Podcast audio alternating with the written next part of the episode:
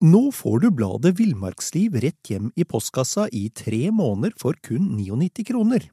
I Villmarksliv kan du lese om norsk natur, ærlige tester av klær og utstyr, og mange gode turtips skrevet av erfarne friluftsfolk, fiskere og jegere. Send SMS VILL36 til 2205 og motta bladet allerede neste uke. Lev livet villere med bladet Villmarksliv. Hey, it's Paige DeSorbo from Giggly Squad. High quality fashion without the price tag. Say hello to Quince. I'm snagging high-end essentials like cozy cashmere sweaters, sleek leather jackets, fine jewelry, and so much more. With Quince being 50 to 80% less than similar brands. And they partner with factories that prioritize safe, ethical, and responsible manufacturing. I love that. Luxury quality within reach. Go to quince.com slash style to get free shipping and 365 day returns on your next order. Quince.com slash style.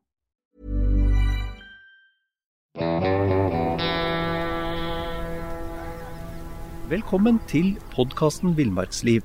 Mitt navn er Knut Brevik, og jeg er redaktør i bladene Villmarksliv, Jakt og Alt om fiske.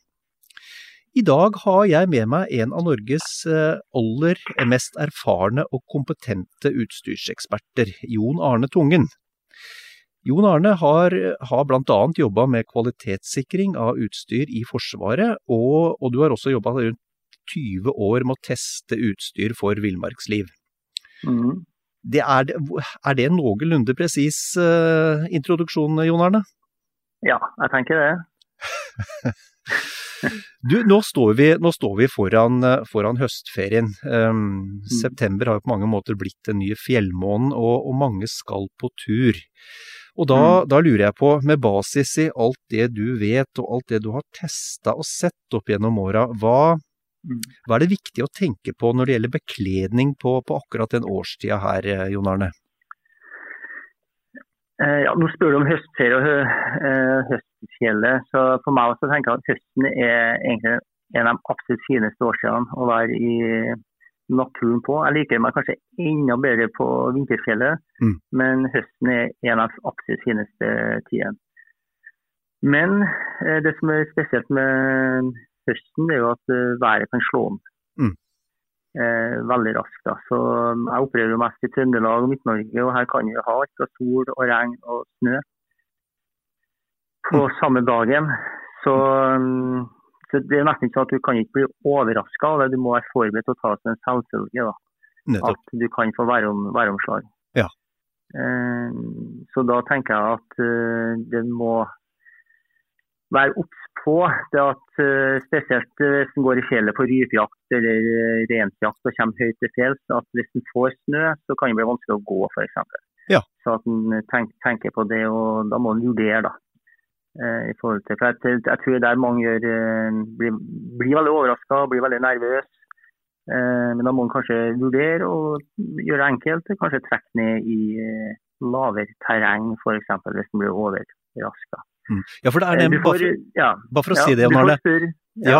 det, er, det er et eller annet med det. Når du, når du går ut fra bilen um, eh, Mm. forholdsvis lavt i terrenget, eh, det er Mm. strålende solskinn, godt og varmt, og det virker, det virker usannsynlig der og da at det Mm. skal bli så kaldt som det kan bli 1000 meter Mm. høyere to-tre timer seinere.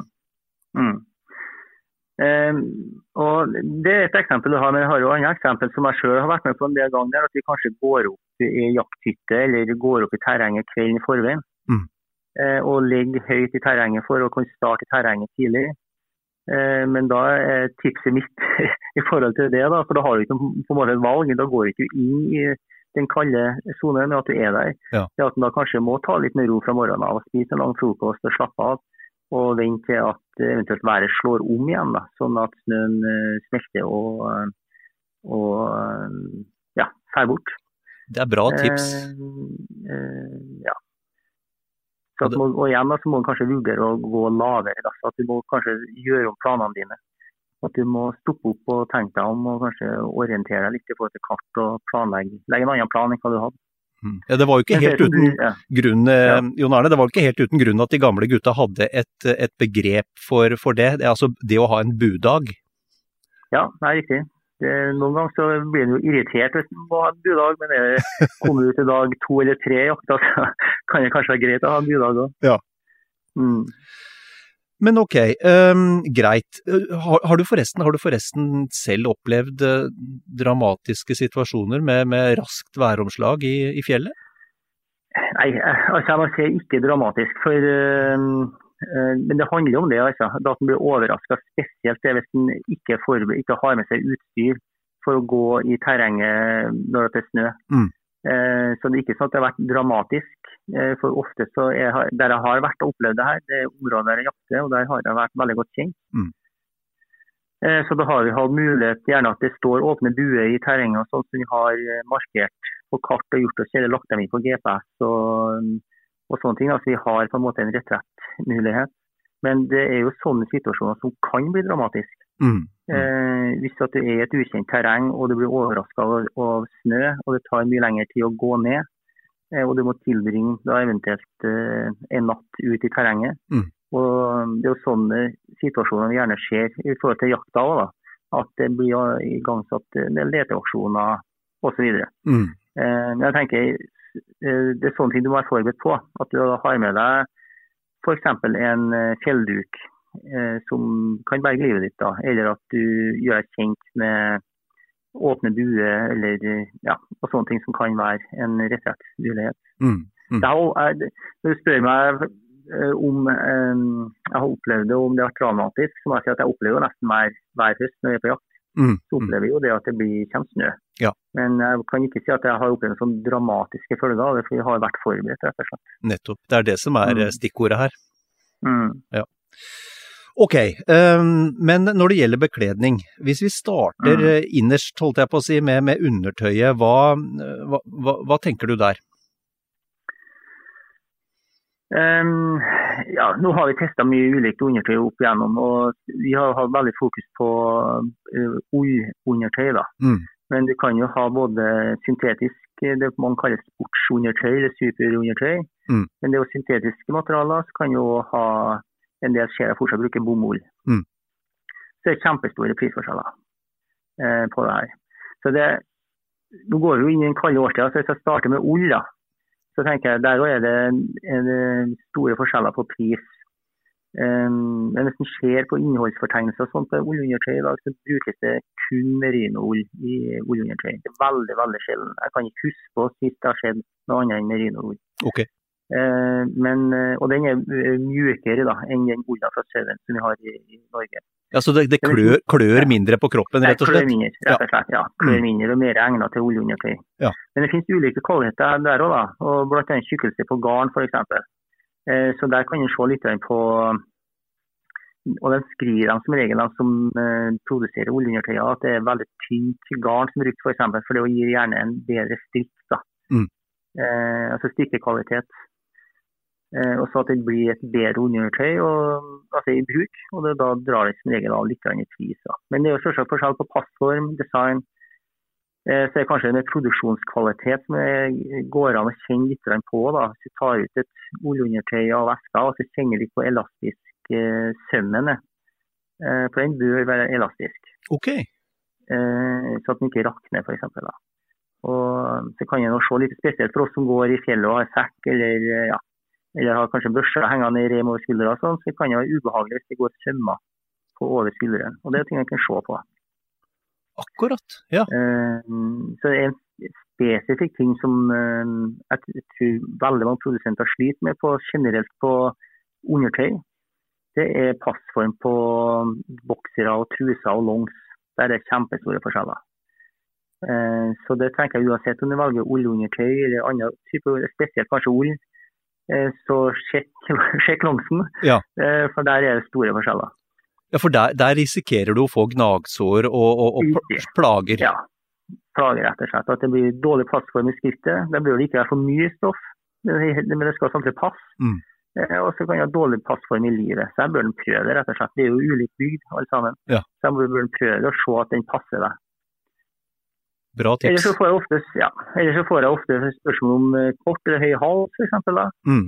Uh, og det tenker jeg det er uavhengig av om du lager oljeundertøy eller syntetisk, så blir det litt smak og behag. noen foretrekker kort hals, Ja. altså rund hals som vi gjerne sier. Og gjerne å, å kombinere det med en hals, eller en bøff som man kaller det. Mm. Eh, Men hvis du spør meg hva jeg personlig foretrekker, så vil jeg gjerne ha en sånn middels høy hals, med, men da med lang glidelås som går bort ned på brystet, for Ja. eksempel. Akkurat. Så at jeg kan justere eh, eh, altså, eh, hvor mye luft jeg får inn på kroppen, og mm, hvor mye det isolerer i forhold til aktivitetsnivå osv. Så, Ja. så det er min personlige eh, preferanse i forhold til ullskjorte. da. Um, eller undertøyskjorte. Mm. Det er en diskusjon om ull, syntetisk og bomull. da. Ja. For det kommer, får jeg får jeg ofte spørsmål om. Og i sånn generelt råd i, eh, i undertøy til bruk på jakt- og friluftsaktiviteter, vil jeg si at bomullsundertøy, det er nei. Det Nettopp. bruker vi ikke ut på tur. Nei. Det er supergodt å ta på seg ei, ei eh, bomulls-T-skjorte etter en har vært på jakt, Ja. eller etter en har vært på tur, men ikke når han er på tur. Det er kosetøy, det. Det er litt kosetøy, ja. Ja. Egentlig. Eller til daglig bruk, da, så er jo bomull veldig godt. Ja. Men hvis jeg måtte ha valgt da, mellom syntetisk undertøy eller ull, så har jeg nok valgt ull. altså. Ja. Eh, og da heller justert tjukkelser på ullskjorta eller, eller ullundertøyet etter aktivitet og årstid. Så jeg Ja. tenker altså et tyngre, lette ullplagg på sommeren, og tyngre ullplagg utover høsten og vinteren. da. Og, og, for det, for der, det, Mm. det er mange som ikke er klar over, Jon Arne, at du, du har Mm. forskjellige tykkelser på, på ullundertøyet. Og hvor, Ja. spiller det stor rolle? Merker du stor forskjell sånn i forhold til varmeevnen? Ja, han gjør det, altså. Men gjerne eh, sånn enkelt forklart. Altså, det finnes jo, her går det på vekt per kvadratmeter. Mm. Og mens normalt så deler vi inn i tre. Vi har lett og middels og tungt. da. Eh, og nå har jeg ikke sånn i hodet hvor mange gram per kvadratmeter vi, som er normalt er deling her på. Men eh, det, er, det er forskjeller. Og her kan du se på i butikken og sammenligne, sammenligne litt. òg. Mm. Så, mm, men her går det an å kombinere. Altså Hvis at du har ei tynn ullskjort, så kan du kombinere det med ei middels tynn, tynn på vinteren. Mm. Eh, og få enda bedre isolasjonsevne enn om du har bare ei tjukk, f.eks. Ja, smart.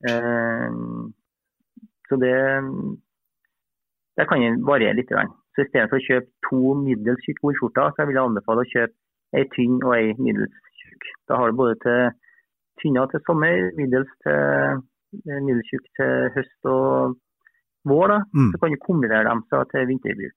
Ja. Så har du glimrende helårsbruk. Men så er det med syntetisk òg. Altså det, er meg nå si at jeg ville valgt ull. Så syntetisk undertøy har òg en del helt klare fordeler. I forhold til at det transporteres svette veldig godt, det tørker raskt. Det takler som regel tøff bruk bedre enn ull. Altså eh, si at du sliter eh, at bærereimen på sekken din sliter. Ja. På det du har på deg, så takler syntetisk undertøy den som mekanisk slitasje mye bedre. Og så takler den vask mye bedre. Da. Altså hvor mange, hvor mange ganger du kan vaske det i, etter bruk før at det går sunt. Ja. Men så er det for ulempene med syntetisk undertøy, det vi kjenner til, forresten tenker jeg at det lukter svette veldig raskt. Ja. Og så um, varmer ikke så godt når det blir Eller det varmer veldig dårlig da, hvis det blir bløtt. Hvis du har svetta mye, så gir det veldig liten isolasjonsevne. Eh, da, da må du nesten ta det av deg og få tørka det Mm. før Mm. du kan gi en isolasjonsevne. Akkurat. Så det er ikke noe sånn, eh, Jeg kombinerer gjerne alt etter aktivitet. eh, Eller jeg kan òg ha syntetisk innerst og ull utenpå. Der må prøve seg litt. eh, litt fram. Skjønner. Du må spørre noen, Knut. Jeg Ja! snakker, snakker bare. Jo, men det, er- det er interessant å lytte på deg. Jeg snakker. Ja. Det er interessant å lytte på deg, Jon Arne. Du, fordi da kan vi oppsummere litt undertøy med at um, sånn Mm. pri prismessig, da, så, så der du ser de store forskjellene, så er det på, på elastisiteten på, på sømmene. Eh, eh, Ja, det kaller, mm, slitestyrken? produksjons- Ja. ja, produksjonskvalitet. Det kan jo se på sømmer, at de skal være elastiske. mm, Og så er det passform, nettopp. helt på longsene Ja. og bokserne. Eh, og så vil det være litt sånn annet designelement, ja, som hvis du ser på et plagg om det enkelte er- har jo en del hva skal kalle penere designelement Ja. enn eh, en del andre ting. Og Det handler jo litt om bruken. Hvis du skal gå hytte til hyttetur, så eh, på ei DNT-hytte, så kan det være greit å ha undertøy du kan sitte med blant andre. blant andre. Det skal du bruke bare på jakta eller bare for deg sjøl, så det er kanskje ikke et element du tenker på. Nei, Nei for de, de, de, her moteelementene som farge og, og, ja. og, farge og snitt har mm. også kommet inn i friluftslivets bekledning. Mm, ja, helt klart. Jeg hadde en, dis, ja. jeg hadde en diskusjon med en produsent her um, i forhold til um, mønsterbruk. Altså Det var et undertøy som hadde et veldig kjent mønster. Jaha. Som var trykt på hele undertøyet. Og det undertøyet syntes jeg var veldig dyrt. Så jeg snakka med produsenten om altså, hvorfor det var prisa så høyt. Ja. Og da svarer han altså at de, de må betale de som eier mønsteret oh, ja. uh, for å bruke mønsteret på sine produkter. Og det er jo med å dra opp prisen. Da. Så da, da, betaler du ikke bare for kvaliteten på oljeundertøyet, men du betaler også for rettighetene til å bruke det mønsteret. Ah, skjønner. Så sånne ting, så det handler om mote, som du sier, og farge og, og snitt. Og så, kan vi, ja, og så kan vi også mm. si sånn når det gjelder, når det gjelder eh, undertøy, at hvis du har tenkt å gå eh, på fest i det samme tøyet, så anbefaler vi ikke bruk av syntetisk over noen dager i forkant. Nei, ikke. det blir jo greit. Det blir greit. ok, ja, men veldig bra. Um, når, det gjelder, når, det gjelder, neste lag, mellomlaget, mm. hva, er, hva, er, viktig å tenke på da? Vi, vi snakker om det mellomlaget, så jeg merker jo sjøl når jeg tenker mellomlag, så tenker jeg ofte mellomlagsjakke eller mellomlagsgenser. Altså jeg tenker jakke eller genser. Ja. Men mellomlag er jo òg, eh, kan jeg bukse, da. Så det mellomlaget vil jo da være, nå snakker vi om skall, altså lag på lag-prinsipp, eller skallprinsippet som man kaller det. Ja. Og det mellomlaget er jo da et lag som skal være mellom undertøyet ditt og det yt ytterjakka di. Ja. Eh, og det er jo en veldig smart måte å justere behovet for isolasjon på. Mm. Eller justere behovet for beskyttelse mot uh, vind og, og regn f.eks.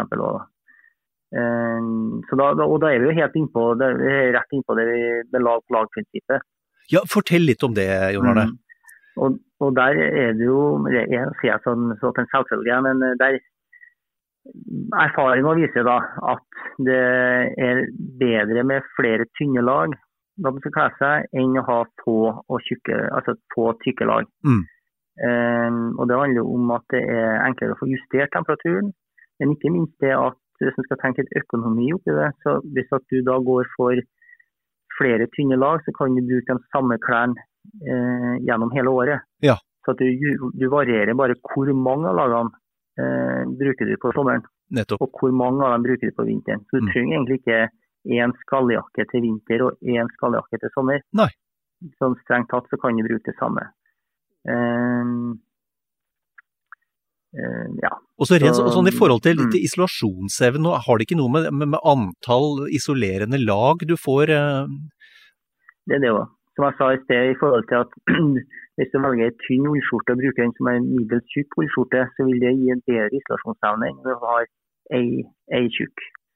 Eh, at du, du, får mer luftlag da, mellom at du har, bruker lag på lag-prinsippet. Mm. Så det er et veldig gunstig jeg vet, det, jeg vet det noen uh, i dag nå så kommer det noen, noen, produsenter som går bort fra lag på lag-prinsippet og anbefaler eh, kun isler, altså isolerte skalljakker. F.eks. er det eh, tanken at du kan bare ha et tynn eh, nærmest en tynn T-skjorte av ull under. Jaha. Men eh, i praktisk bruk så viser, nok, viser seg nok bedre det lag på lag-prinsippet. Altså.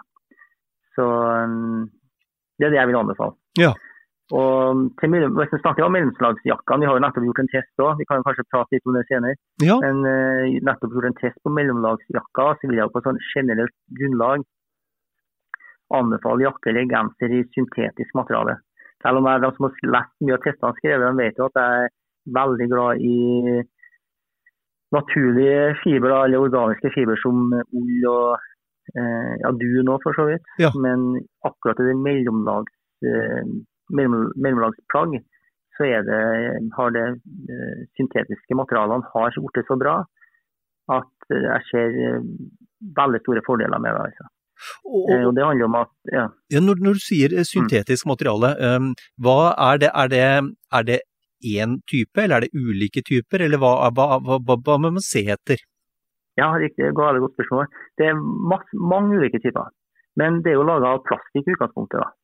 Nettopp. Så det høres veldig simpelt ut. Men mange av de her fineste fibrene her, da, de er nesten identiske og gir nesten i samme isolasjonsevne og føles likedan ut som en veldig god dunjakke. Akkurat. Men i og med at det er laga av for å si enkelt av plastikk, eh, så tak, kollapser det jo ikke når det blir bløtt. og Det tåler fukt veldig godt. Tørker, og det trekker jo ikke vann i seg sjøl, så det eh, tørker raskt. Mm. Tåler mye vask osv. Så, videre. så det begynner å bli veldig gode ting. Altså. Ja. Så er det det som jeg skulle til å si sted, at for akkurat den mellomlags for mellomlagsplagget, da, så se for deg sånn, i, i, praktisk bruk at du er ute på tur og gått et stykke. Så blir varm, eller du er varm da, men så tar du på deg mellomlagsjakka når du setter deg. Tar på den under skalljakka di. Mm. Og Da blir det veldig fuktig. Uansett om du ikke sitter og sitter, så blir det, kan det bli litt klamt og veldig fuktig. da. Og Da må det materialet takle den fukta uten å miste egenskapene i forhold til varmeegenskaper. Riktig. Jeg ser det veldig mange som bruker dunjakker sånn som det der, men det er ikke å anbefale. For duna, hvis den begynner å trekke fukt, så vil den klappe sammen og det blir vanskelig å få tørka opp, i hvert fall mens du er ute på tur. Eh, så akkurat i mellomlaget så vil jeg snakke litt varmt om syntetiske fibre. Ja, det er sjelden er så kategorisk sånt anbefaling, men akkurat der så vil jeg anbefale. Ja, men da syns jeg vi skal lytte til det, Jon Arne. Um, nei, men interessant, interessant. Du, du, skal vi snakke litt om Du har jo akkurat lagd en, en stortest av, av mellomlangsjakker i, i Villmarksliv mm. i septemberutgaven. Um, mm. og, og, jeg håper å si hva, hva vil du sånn gjennomgående si om, om, kvaliteten? Vi, skal snakke, vi kan jo snakke litt mer om hvem som er testvinner og, og, mm. og hva som skiller de fra de andre, men, men hva sånn gjennomgående hva Eh, får du, får du det du betaler for? Ja, egentlig. Eh, så tenker jeg det. Men her har du ytterpunktene, da. Sånn vil det alltid være. Mm. På en sånn sak at de dyreste, så der betaler du for den nyeste tek teknologien og de nyeste materialene. Og de, eh, kanskje at de har noe ja, de kommer med noe nytt. Ja. Så da, da, betaler du litt for den du snakka om i sted her med moteelementet som kommer inn her òg. Ja. Så hvis man tar bort de absolutt dyreste og tar bort de absolutt billigste, så du sitter med dem midt i her, så tenker jeg at da får du litt det du betaler for. Akkurat. Eh, både i forhold til eh, ja, passform og slitasje, altså hvor godt de takler slitasje, mm. og sett det opp mot vekt. og Eh, slitestyrke og litt sånne ting. Da. Men uansett, hvis man skal kjøpe, kjøpe seg et um, utstyr, som, altså betjening, så må du jo prøve det. Og det må jo passe til mm. kroppen din. Mm. Så det er jo første tid. Det hjelper ikke å kjøpe den jakka vi anbefaler som overhodet ikke passer kroppen din. Nei. Um, men jeg vil, jeg vil, si det, altså, også egentlig de dyreste, spesielt de her mellomlagsjakkene som vi gjorde test på sitter her nå, så er det ikke de absolutt dyreste produktene du kjøper. Så her er det mulig å få veldig gode ting som kan vare i mange, mange år. Til en ganske grei pris, altså. Ja, ja. Du, bare sånn kort før vi går mm. inn på, på testen. Hva, hvordan legger du opp en et, et, Når du skal teste, nå har du testa ti, ti, jakker. Hvordan legger du opp mm. en sånn testløp? For det første vi gjør, det er jo at vi bestemmer oss for uh, Vi må, vi må legge noen kriterier i forkant. Mm. Så vi, Nå ble det jo litt forskjell på de jakkene vi hadde, hadde inn her nå, men det tror jeg kan være litt interessant for leserne å se. så at De er ikke, de er ikke helt klin like alle jakkene. At det er bare ulike på dem. Um, men vi tar jo inn sånn noenlunde likt, da.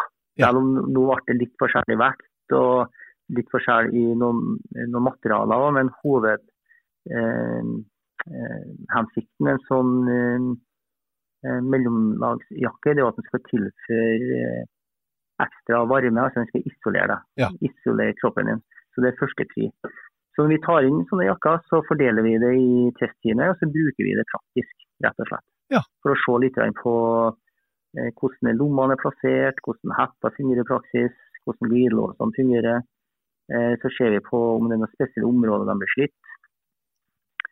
Eh, så blir det her med, så må vi, skal vi jo vurdere passform. Eh, og som jeg sa i sted også, om det vil jo være avhengig av kroppen putter inn i jakka. Ja, Så her blir jo litt sånn, Det må prøves sjøl, men nå er jo vi flere. Så vi prøver jo flere som prøver det, og så uttaler vi oss eh, hver for oss. Da, så tar, prøver vi å få til noen fellesnevner i forhold til hva vi kan si. Ja.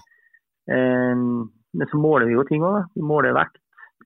Eh, ja, så går vi over eh, eh, som detaljer i forhold til sømmer går vi over. Vi går over spennene. Eh, glidelås er nå- et moment vi må se på eh, jakkene. og Her er det òg en del eh, kjente merker i forhold til glidelåser og en del ukjente merker f.eks. Da må vi være ekstra nøye hvis det er et ukjent merke som brukes. Det er ofte yks, som brukes da, for aller, aller fleste. da. Ja. Men eh, så vi, vi går jo gjennom eh, produktet i detalj, rett og slett. I tillegg til at det brukes i, i praksis. Mm, mm. Eh, ja. Jeg vet ikke om jeg svarte på det sporet, men Jo da, veldig bra. veldig bra. Det var, jeg var bare spent. Og, og, og hvor, hvor lang tid er det dere vanligvis har en, en test gående? Ja, det varierer jo veldig. Men vi bruker jo å si det mm, at vi må ha kommet komme i hvert fall tre måneder før vi skal skrive noe. Ja. Eh, det bruker vi å ha som minimum. Så eh, Ofte så har vi opptil seks måneder. Eh, så det varierer veldig. Det som har vært veldig spesielt, og jeg har jo skrevet en del tester vi hadde sist og noe på den store her, det at vi fortsatt er det en del altså Det som har vært spesielt i år, det er jo at en del produsenter eh, sliter med å levere produkt i forhold til koronasituasjonen. Ja, nettopp. Så det, ja, så det, sliter, det ser vi fortsatt, selv om samfunnet ellers nå kanskje begynner å bli normal. Det fungerer normalt, så ser vi fortsatt det, altså at vi får tilbakemelding fra produsenter at de sliter faktisk med å få levert. Og Det har gjort at nå hele i år faktisk at vi har fått produkter litt senere enn hva vi bruker å få. Eh, men vi har som tommelfingerregel da, som tre måneder. Eh, da har vi som regel litt hard bruk over de tre månedene, eh, som kanskje tilsvarer et, Ja. et år på en normalbruker. da. Og såpass eh, bør vi ha, tenker jeg, for å kunne si noe om, om sli, slitestyrke og sånne ting. Skjønner. Ja. Mm. Ok, um, i den testen i, i septemberutgaven så har du testa ti jakker fra 850 kroner til nesten 4000. Nesten 4000 tror jeg er den dyreste. Ja. Um, og hva, du har jo vært litt inne på det, men, men hva, er, um, hva er de mest markante forskjellene på en billig og en dyr eh, mellomlagsjakke? Eh, Hvis vi skal ta utgangspunkt i den vi hadde, hadde i test nå, så er det jo forskjeller i materialene som er brukt, f.eks. Um, og der ser vi store, altså der er det store prisforskjeller. Eh, Er det en produsent som skal bruke bare kjente For her produsentene her, og de lager, det er jo få dem som lager materialene sjøl. Mm. De kjøper jo materialer fra ulike andre produsenter og setter det sammen til et produkt. Akkurat. Um, og nå ser vi jo at mange av de mest kjente eh, altså, utstyrsprodusentene her, de henter jo inn bare jeg si, materialer fra bare verdenskjente produsenter. Eh, Gore-Tex, mange tenker at de går, og skal, går i butikken og sier de skal ha en Gore-Tex-jakke. Det er nesten som egen, ja, det er jo blitt egen betegnelse, men Gore-Tex er jo bare en produsent som lager en spesiell membran. Det er jo, det er Norrøna eller eh, Rab eller Arterix som lager jakka. Mm, mm. Eh, så det drar i vei pris. Hvis du skal ha um, Klimaloft og Gore-Tex og de her kjente merkene. Ja. Det er det ene. Men så er det òg produksjonskvalitet som har vært innpå. da, og det ser vi. I hvert fall vi som er driver på med utstyr, vi ser veldig godt forskjell på design og hvor bra produksjonsteknikken er på produktene. Og det handler veldig mye om passform. Mm. Eh, og spesielt på mellomlagsjakkene er det litt sånn spesiell eh, bruksområde, egentlig, for jakka skal fungere, stå for seg sjøl. Du skal kunne bruke den i- som ytterste plagg, Mm. men den skal jo òg passe under et annet plagg. Ja. Eh, og da setter det veldig store krav til at den ikke er for romstor, f.eks. Nettopp. Eh, samtidig som den skal ha veldig god passform. At når du strekker på armene, så bør ikke armene krype langt oppover mot albuen din. Det blir òg upraktisk Ja. Hvis du har den ungen i jakke. Så det er en del sånne ting som vi ser, at vi ser og vi forstår godt årsaken til at ett plagg er dyrere enn et annet plagg. Akkurat. Men som, ja, så må en se på bruken her. Vi skrev jo på den, noen av de rimeligste jakkene vi hadde inn på den jakke, jakketestet her, at tenker du å ha på den varmejakka som er jakke etter du har vært på jakt, f.eks. Mm. Kaste den på deg for å sitte inn på hytta eller å sitte på uh, tunet rundt bålet og, og snakke med kompisene, Ja. så fungerer det ypperlig. Nettopp. Men skal du bruke den som jeg forklarte i sted, som en aktivt eh, plagg under annen skalljakke mens du er på tur, så bør du kanskje gå for noe som har bedre passform. Og da vil det koste litt mer. Da. Ja, skjønner. Eh, Nå snakker jeg om ganske mye her, da, men da er det både passform og Nå får du bladet Villmarksliv rett hjem i postkassa i tre måneder for kun 99 kroner. I Villmarksliv kan du lese om norsk natur, ærlige tester av klær og utstyr, og mange gode turtips skrevet av erfarne friluftsfolk, fiskere og jegere. Send SMS VILL36 til 2205 og motta bladet allerede neste uke. Lev livet villere med bladet Villmarksliv. Many of us have those stubborn pounds that seem impossible to lose, no matter how good we eat or how hard we work out. My solution is PlushCare. PlushCare is a leading telehealth provider with doctors who are there for you day and night to partner with you in your weight loss journey. They can prescribe FDA-approved weight loss medications like Wagovi and Zepbound for those who qualify. Plus, they accept most insurance plans. To get started, visit plushcare.com slash weight loss. That's plushcare.com slash weight loss. eh, materialene som er brukt osv. Ja. Men, her, også som, men som jeg sier, du betaler litt for merket her òg. Altså, og der du snakka om tidligere om det, den mote... Hvis vi kan kalle det det, Ja. moteelementet. Ja. Men det er ikke å komme unna det, at man betaler litt for det. Nettopp. nettopp.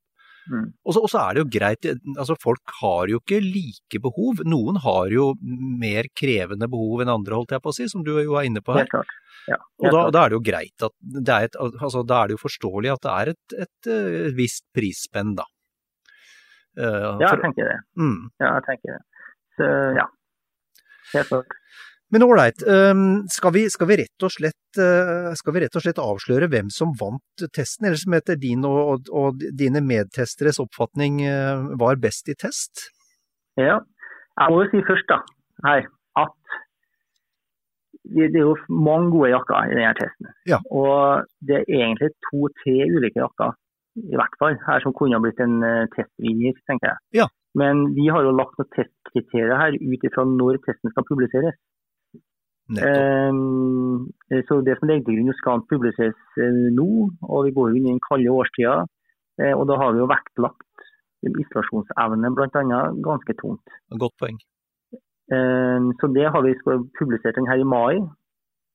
Så har vi kunnet komme og valgt andre testkriterier og komme ut med en annen jakke. Mm. Men eh, det var her som var grunnlaget vårt. Og da landa vi på en jakke fra Fjellreven.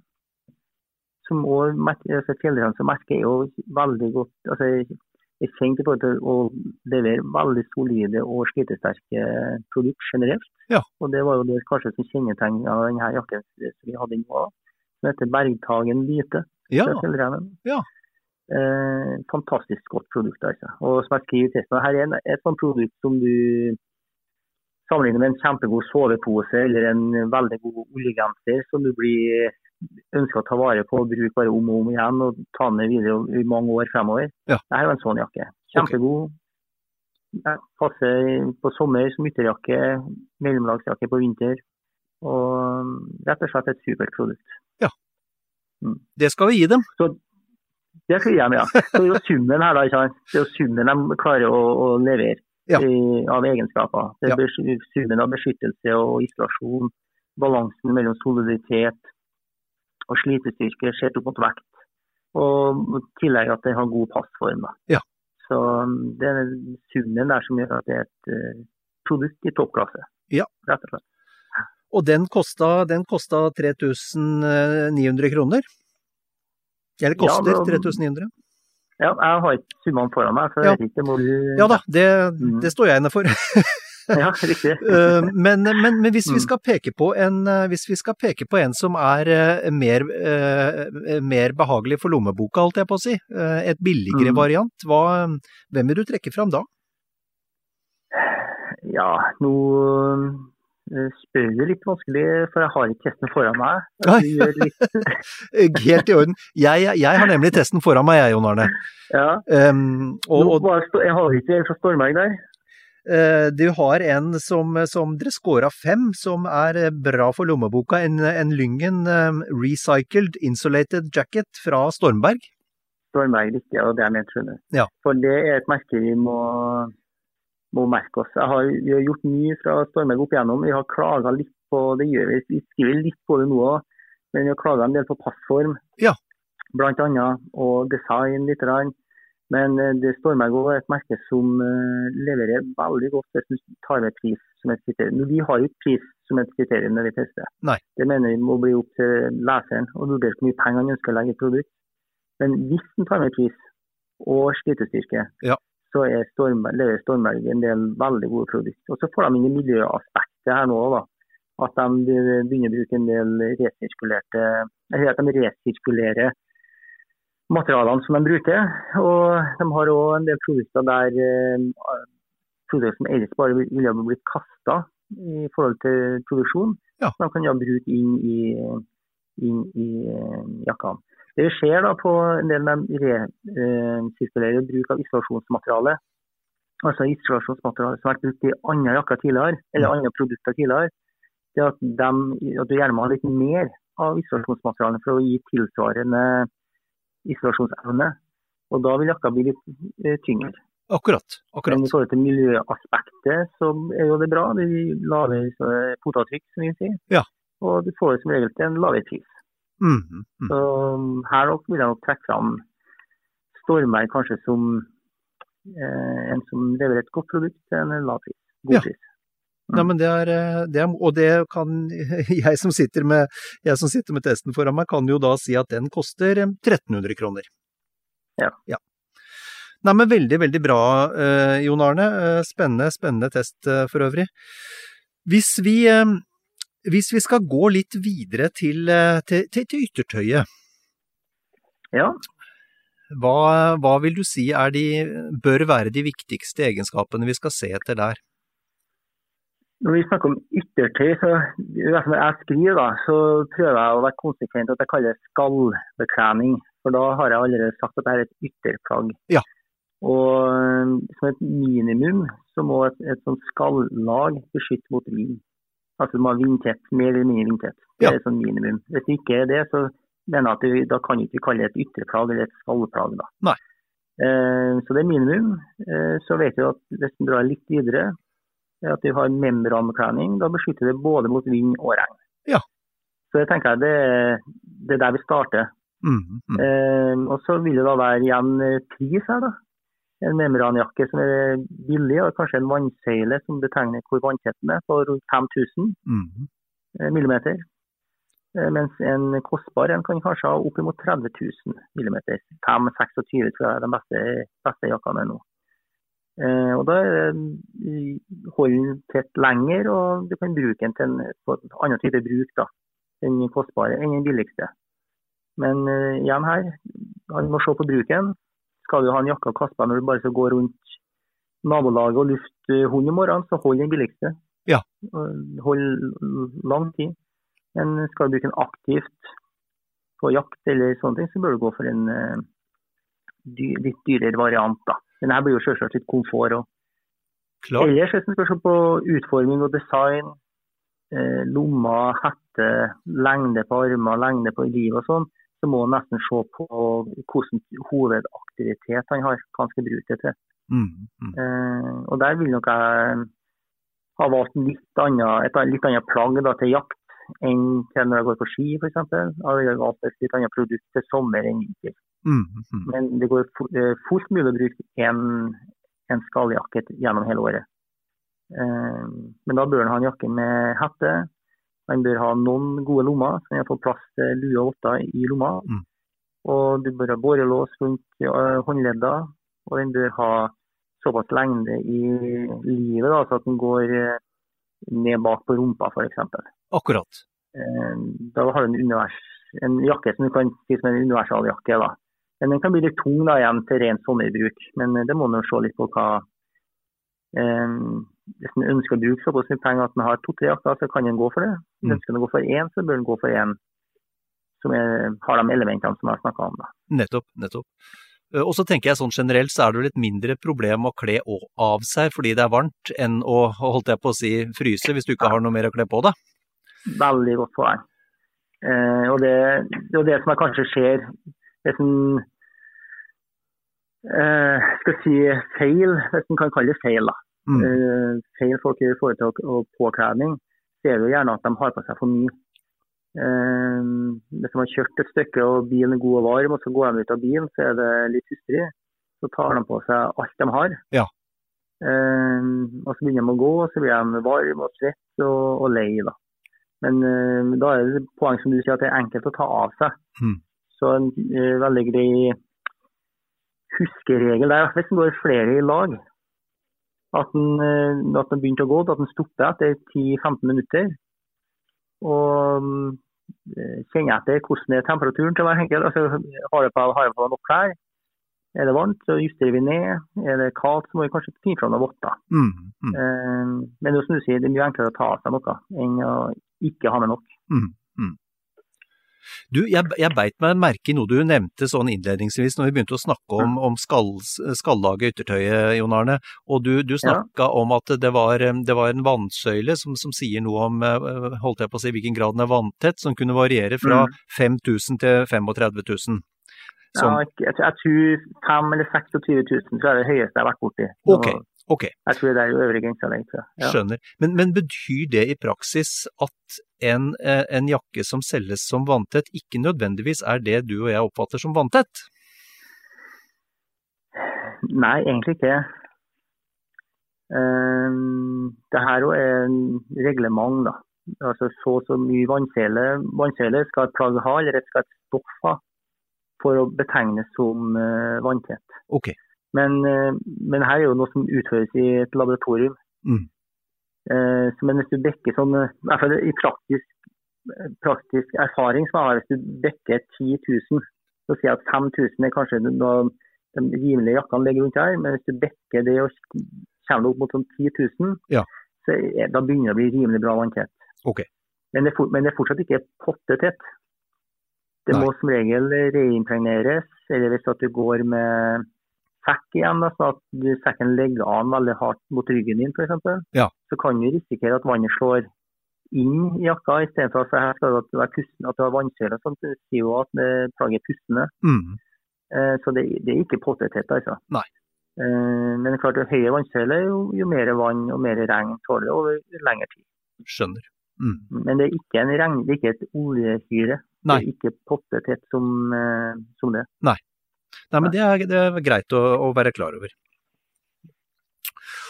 Ok, øh, men da har vi, da har vi snakka litt om, om de tre viktigste laga. Hvis vi skal, hvis vi skal være litt sånn generelle, vi, altså du har jo vært litt innpå det, men hvilke bekledningsfeil gjør folk oftest øh, i, i høstfjellet? Jeg, nevnte jo så vidt i sted også, at eh, jeg ser- i hvert fall når jeg har med meg, hvis vi har med uerfarne folk på jaktlaget f.eks., Ja. folk som ikke er så vant til å være ute, så er det at uh, de har som regel på seg altfor mye klær Ja. når de går i vei. Ja. Um, og de har kanskje til og med at de kjenner dem før de starter, så de er litt hustrig. De tar kanskje på seg dunjakka til og med som vi har sagt de skal ha med seg for å ta på seg i lunsjpausen. Ja. men, eh, men da blir du fort varm, altså. Ja. Og, er og hvis du har gått deg varm så at du er svett, det er jo noe vi egentlig prøver å unngå når vi er ute på litt sånn lengre turer og går som helt skjortbløt, som vi sier. Mm.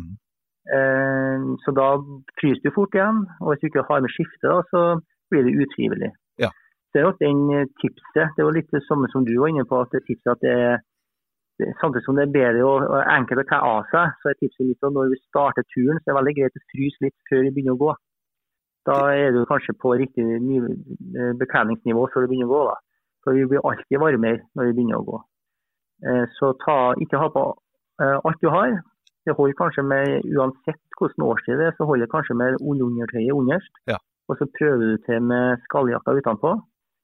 Prøv å starte opp med det, så får du heller eh, ta på deg mellom, en mellomlagsjakke eh, eller en enda tjukkere ullskjorte da, Mm. hvis at det blir kaldt. Det er også der jeg ser eh, den største feilen folk gjør. da. Ja. Og så er det med at eh, og det å skifte om på overkroppen, det er ganske lett. Eh, Men skal du begynne å ta deg en longs, det blir litt mer arbeid, og det er mange som ikke gidder å gjøre. Mm. Og da blir du Du sitter jo nedover fø- føttene nå. Ja. Men han må faktisk, i hvert fall hvis han skal være ute over litt lengre tid, så må han ta seg tid til å få justert bekledninga riktig. Og det er ikke noe du gjør én gang. Det kan du kanskje må gjøre flere ganger i løpet av en dag når du er ute og går. Alt etter eh, om du går oppoverbakke eller om du Spesielt hvis du er på ski, da, så er det mye tyngre og du produserer mye mer varme når du går oppover enn om du kjører nedoverbakkene. Mm, mm. Så da må man kanskje ta seg tida hvis man begynner å kjøre nedover og ta av seg skalljakka, ta på en mellomlagsjakke, på med skalljakka igjen, eh, så den ikke blir kald. Mm. Og på med votter og lue og sånne ting. Det må man ta seg tida til. Det tenker jeg, det er to knakende gode tips det du kom med der, Jon Arne. Altså én, frys litt før du begynner å gå. eh, Og to, eh, ta deg tid til å justere bekledningen underveis, altså i Mm. løpet av dagen. Mm. Og, og selv om selv om det her blir kanskje sånn, kan bli et irritasjonsmoment for enkelte, men det er klart, hvis en bruker den samme tida til å drikke litt, spise litt nøtter, eh, kanskje en liten kaffekopp osv., så, videre, så Mm. får en litt, eh, litt energi samtidig. da. Mm. Så um, det er sånn, nå har jeg, jeg at jeg har to unger som jeg ofte har med på tur òg. Mm. Så da er det enda viktigere at en tar seg tida til sånne ting hvis en har med unger ut. da, Så at det blir trivsel, rett og slett. Ikke sant. Kos. Ja. Mm. Du har jo vært litt inne på det at man skal ha med både, både lue og votter, og, og du har jo også nevnt vindsekk eh, eh, Mm. som sånn utstyr. Eh, Mm. hva, hva har du alltid liggende i sekken når du er på tur? Um, vind, ja, vind, jeg kaller det fjellduk, det. Men uh, vindsekk, ja, det har jeg ofte. Ja. Ikke alltid. Men jeg har, hvis jeg er på jakt, så har jeg det alltid. Mm. Eh, og da varierer jeg litt på årstida òg, da. Hvis det er tidlig på høsten, så har jeg kanskje bare en ren vindsekk. Eh, er det litt lenger ut på høsten, så har jeg en isolert. Ja. Eh, så at den gir litt varme i tillegg. Eh, men det har jeg som sagt ikke alltid det, men på jakt alltid. Mm. Ellers så har jeg alltid med meg en varmejakke. Ja. Eh, Det kan være en så à la som vi har testa nå, eller en tynn eller en eh, dunjakke som jeg tenker å ha ytterst. da. Ja. Det har jeg alltid med. Så har jeg òg alltid med tynn ullue Ja. sommer og vinter. vet du. Ja. Eh, jeg har jo ikke så mye hår lenger, så på sommeren kan jeg fungere eh, som beskyttelse mot sola. ikke sant? Ja. Eh, og på vinteren eller høsten så må man ha beskyttelse mot kulda. Ja. Og så har jeg alltid med hansker eller votter. Alt etter eh, hvilken årstid det er. da. Mm. Og er det vinter, så har jeg, da går jeg gjerne med hansker og votter. Da har jeg alltid med et ekstra vottesett og luesett i, i sekken. Mm. Alltid. Så en annen ting som jeg alltid har med, da, det er ikke bekledning, men jeg har alltid med ekstra mat.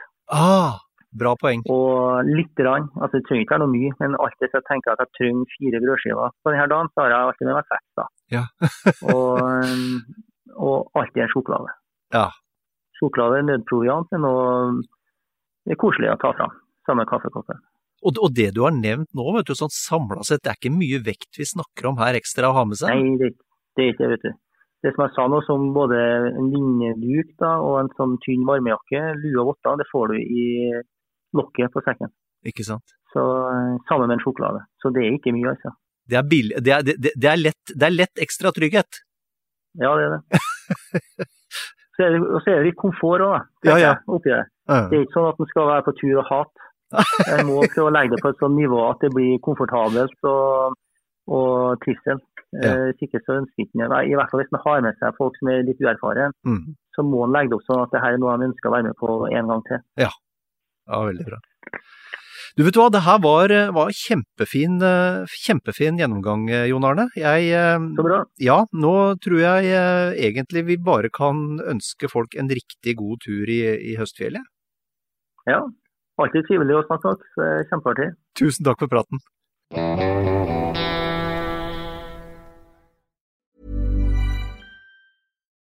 Nå får du bladet Villmarksliv rett hjem i postkassa i tre måneder for kun 99 kroner. I Villmarksliv kan du lese om norsk natur, ærlige tester av klær og utstyr, og mange gode turtips skrevet av erfarne friluftsfolk, fiskere og jegere. Send SMS VILL36 til 2205 og motta bladet allerede neste uke. Lev livet villere med bladet Villmarksliv. Hey, it's Danny Pellegrino from Everything Iconic. Ready to upgrade your style game without blowing your budget? Check out Quince. They've got all the good stuff shirts and polos, activewear, and fine leather goods, all at 50 to 80% less than other high end brands. And the best part? They're all about safe, ethical, and responsible manufacturing. Get that luxury vibe without the luxury price tag. Hit up quince.com slash upgrade for free shipping and 365 day returns on your next order. That's quince.com slash upgrade. Hey, it's Paige DeSorbo from Giggly Squad. High quality fashion without the price tag. Say hello to Quince. I'm snagging high-end essentials like cozy cashmere sweaters, sleek leather jackets, fine jewelry, and so much more. With Quince being 50 to 80% less than similar brands. And they partner with factories that prioritize safe, ethical, and responsible manufacturing. I love that. Luxury quality within reach. Go to quince.com slash style to get free shipping and 365-day returns on your next order. quince.com slash style.